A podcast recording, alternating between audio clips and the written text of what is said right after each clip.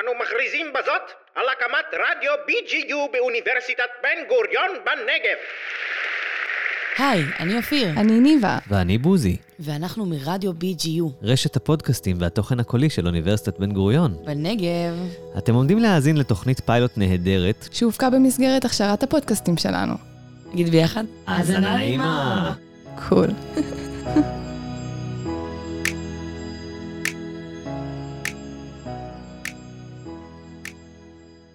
לפעמים בחיים יש סיטואציות שיוצאות מכלל שליטה. כל אחד מאיתנו יכול קצת להגזים, לצאת מפרופורציות, לחצות גבולות, והפרק הזה מבוסס על סיפור אמיתי שיצא קצת מוגזם. דמיינו את הפעם הראשונה שעברתם לדירת שותפים. מציפות אתכם תחושות של התרגשות, חופש ועצמאות. גם אלמוג הרגישה ככה, כשעברה לגור בדירת השותפים הראשונה שלה, בשכונה ד' בבאר שבע.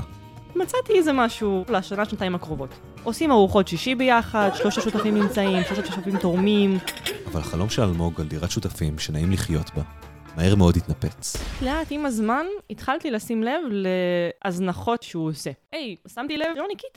יש לי דברים יותר חשובים לעשות בחיים מאשר לנקות את הדירה.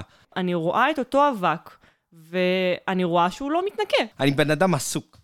אם יש לך זמן, תנקי את. יש לך פה כלים. אתה מתכוון לעשות אותם? מתחיל ממש לצאת עליי. אני לא הולך לנקות, למה מה תעשי? לא היה לי איך להתמודד עם הסיטואציה הזאת. אולי עדיף לעזוב את זה.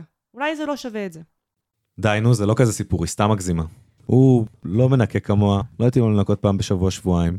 לגיטימי. היא לא אמורה לכעוס עליו או לריב איתו על זה. בכל מקרה, זו רק דעתי, אה, למזלי אני לא לבד. יושבות איתי כאן בפאנל השופטים יעל ושלושת עוזרות העריכה, טל, תומר ושירה. השאלה זה, איפה עובר הגבול בכלל? מה סטנדרט ברמן? בינתיים הוא לא קרוב לעבור את הגבול שלי. בואו נסכם שכשהוא יעבור את הגבול שלי, אני אשמיע לכם. טוב שלא הגזמת. אני בספק אם נגיע לשם. אני ממש מקווה שנשמע את סטנדרט ברמן, כי אני שמעתי את אלמוג, ואם לא, אני לא בטוחה שנוכל להמשיך להיות חברים. די, יעל, בלי ספוילרים. תמשיך, תמשיך. לא משנה כמה המצב גרוע, תמיד יכול להיות גרוע יותר. אין לכם מושג כמה זה נכון במקרה של אלמוג. חודשים הוא לא ניקה. אם הוא היה משתמש במטבח, הוא לא היה מנקה אחריו. פורס לחם על השיש, אפילו לא בקרש, שכבה עבה מאוד של פירורים, היה מכין הרבה מאוד טחינה, טפטופי טחינה, מריחות טחינה על כל השיש, על, על, לפעמים על קירות, על הרצפה. הוא הפסיק לעשות כלים. אפס עשיית כלים. אפס. הכין סיר, הוא היה משאיר אותו על השיש עם השאריות אוכל בתוכו ולא מפנה. היה משאיר כלים, אם הוא היה לעשות טובה שהוא היה שם את זה בכיור זה כבר היה טוב. לפעמים זה גם לא היה בכיור. היה קונה אוכל, אם זה היה מתקלקל הוא לא מפנה. פירות ודברים רקובים, זה היה נשאר במקרר. שבועות. והייתי עושה כלים, הייתי עושה את הכלים שלו. כי אני צריכה כלים. אז הייתי מנקה, כי מה אני אעשה? ויש שלב שפשוט לקחתי כלים לעצמי לחדר. לא היה לי איך להתמודד עם הסיטואציה הזאת. אבל אתה אמרת, אבל צריך, אבל אחריות אישית, אבל שותפות, אבל אני שמה לב לעוד הזנחות, בגדים מלוכלכים בפינות, ציפורניים גזורות בכיור, ציפורניים גם, גם של הרגליים, כאילו מזהים, באמת דברים דוחים. אם הוא היה נגיד מתגלח וכאלה שערות, לא מנקה אחריו.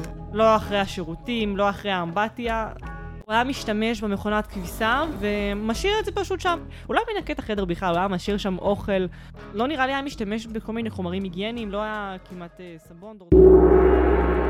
טוב, תראו, אני די איתכם, אי אפשר לא לעשות כלים אף פעם, הוא באמת לא בסדר. מבחינתי, אפס כן. עשיית כלים זה גבול. כאילו, יש לא לעשות כלים, ויש אפס עשיית כלים. זה אפילו לא הניקיון של הכלים, כמו שזה שכלים זה משהו שהוא של כולם. כאילו, אתה צריך להשתמש בזה, אתה צריך את זה ביום-יום שלך, ואם אתה לא עושה את זה, אתה פשוט לא יכול לאכול. כן, לגמרי, מתישהו זה ייגמר, ואז במה הוא יאכל? במה כולם יאכלו? שם היצירתיות מתגלה. יודעים מה? יאללה, פינת בזק. מה הדבר הכי גרוע שעין עשה לאלמוג? אני כבר אמרתי, הכלים. אז בעיניי זה הריקבון. ברגע שיש ריח של ריקבון כזה באוויר, וואו, זה נוראי. זה נוראי. אי אפשר לחיות ככה. עצם זה שאתה לא מוכן לשתף פעולה, זה הדבר הכי נורא שאפשר להיות. לגמרי, לגמרי. כאילו, היא- הוא הפך אותה לנואשת, לחסרת תקווה. אותי הוא הפיל בציפורניים. שם זה היה נגמר בינינו. לי שזה עליי או בפח? לא על הרצפה, לא על המיטה. זה זה שזה ציפורניים, או זה שזה ציפורניים של הרגל? ציפורניים שלו של הרגל. את לא יודעת איך הוא נראה, אולי הוא חתיך על. גם כשהוא חתיך על, כאילו החלק שעליו מפנטזים, זה אף פעם לא... לא על הציפורן ברגל. בשלב הזה, אלמוג נשארה בלי ברירות. לא היה לה תקציב לעבור לבד, והחברים שלה לא הבינו את חומרת המצב. היא הייתה מיואשת, והיא התרגלה ל... ריקבון וצחנה. היא אפילו חשבה שתצליח לסיים את החוזה בשלווה ובסבל, עד שיום אחד אני מזמינה את חבר שלי לסופש, טיפה מנקה לפני, שיהיה הכל נעים. אחרי שאני מנקה, אני הולכת לחדר, ברוגע. אני באה לפתוח לו, אחרי זה עוברת במטבח ורואה בלאגן. סירים עם אוכל, כלים, לא בלאגן חריג, אבל זה עצבן אותי שניקיתי, טיפלתי, רציתי שיהיה נעים, ופתאום אני רואה סיר עם עדשים, פירורי עדשים מפוזרים ב- בכל מקום. דברים של אוכל פתוחים כזה, מפוזרים. התעצבנתי. הבן זוג שלי היה לידי, אמרתי לו, תקשיב, אני הולכת לעשות משהו שאני לא גאה בו. כבר לא היה לי אכפת, ורציתי להחזיר לו, רציתי שהוא יסבול. לקחתי את הסבון כלים, שפכתי לו לתוך הסיר עדשים. מהנקודה הזאתי, נפתח מין סכר אצלי של אני מחזירה לו. אוקיי, אוקיי, אוקיי. צריך לדבר על זה. אני מצטערת, אבל הבחורה הזאת משוגעת. אחותי, לא טוב לך, תישארי בכוך שלך. כאילו, איך הגעת למצב שאת שמה לו סבון באוכל, ואת עוד נהנית מזה, מתגאה בזה?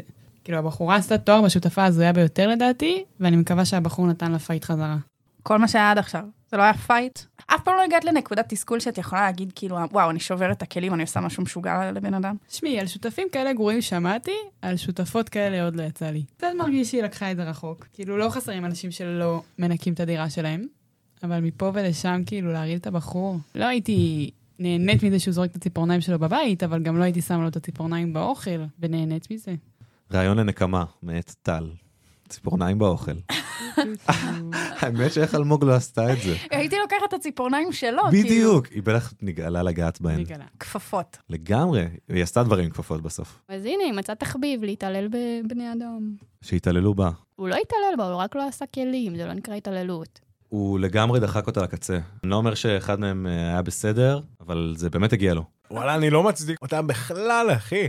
אתה חייב להגיד, הוא לא בסדר, תומר. אחי, הוא ממש לא בסדר, אתה לא יכול לא להצדיק את זה שהיא נקמה בו. היא הרעילה לו את האוכל? הגיע לו. לא. אני לא אומרת שמה שהיא עושה הלאה זה בסדר.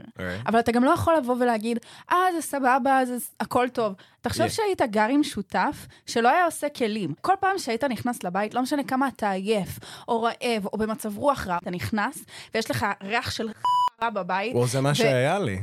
לא? הרעלתי את השותפה שלי. אני לא אומרת שהיית צריך להרעיל את השותפה שלך, אבל אתה, רציני יכול להגיד לי, אה, היה לי סבבה, הכל טוב. לא, אמרתי לעצמי, וואלה, מגיע לה סבון באוכל. הגיעו לו דברים רעים, אבל לא ברמה שלה. לא כאילו, עשית לו שום דבר רע? אוקיי, הרגתי את הצמחים שלה, אבל חוץ מזה... בכל אופן, אחרי שמתחילים הרבה יותר קשה להפסיק, ואומרים שכל מעשה רשע גדול מתחיל בדברים הקטנים. בהתאם, אלמוג התחילה את שגרת החיים החדשה שלה בדירה. הייתי לוקחת לו במשך כל יום את המברשת שיניים וטובלת לו באסלה.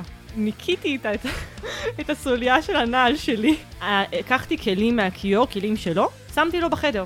הייתי שמה לו סבון כלים באופן די שוטף באוכל. ראיתי שהוא אוכל מהסיר, כי מאוד היה לי חשוב לדעת שהוא אכל מהאוכל שהכנתי לו. לקחתי את הפירות הרקובים שהוא היה משאיר, ומגרדת אותם, את העובש שלהם, על המיטה שלו, איפה שהעץ, כדי שיישאר שם ריח. עשיתי את זה כמה פעמים, וזה הסריח. זה הסריח! הייתה לי חתולה בשלב הזה, והיה לה ארגז חול. לקחתי את החול שלה, את הקקי שניקיתי, ושמתי לו את זה מעל הארון. גם הייתי סתם מנקה אבק, חלק מהאבק, שמה לו באוכל. הייתי מטאטה, כבר לא הייתי משתמש בפח, מעבירה את זה לחדר שלו.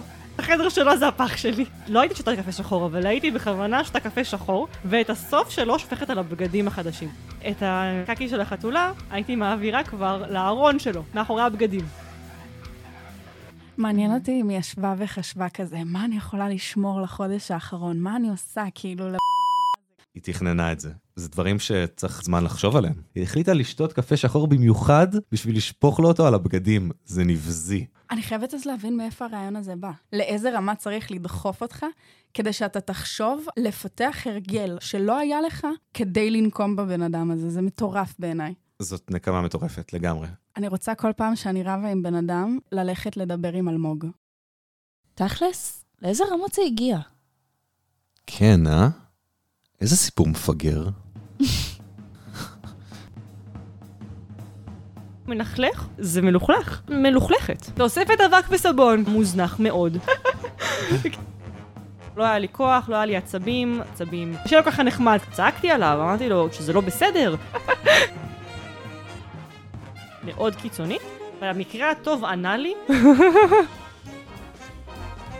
אני כל כך כעסתי, כל כך, הייתי חייבת להוציא את זה איפשהו. או התעצבנתי, התעצבנתי, התעצבנתי, התעצבנתי, התעצבנתי. חודשים של הזנחה, לחיות בגועל.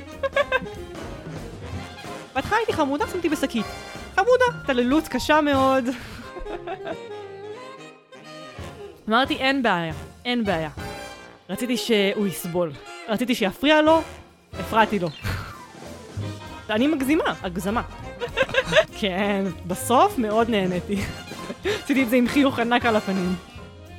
תודה רבה לכם שהקשבתם לנו, ולדוקטור בוזי רביב, מנהל תחנת רדיו BGU, לארטיום על הקולות ובועז על הליווי המקצועי. תודה מיוחדת לאלמוג ששיתפה אותנו בסיפור שלה, ולמפיק שלנו ליאור ברמן. תודה רבה לך, יעל. תודה לך. וגם לעוזרי העריכה, טל תומר ושירה. נתראה בריב הבא. אהבתם? אתם מוזמנים להשתתף בהכשרת השדרנים הבאה, או לפנות אלינו עם כל שאלה והצעה בכתובת המייל. אתם רושמים? bgu.radio.strudel.bgu.ac.il מוזמנים לעקוב אחרינו בפייסבוק, באפליקציית הפודקאסטים או באפליקציה של האוניברסיטה. מגניב בנגב!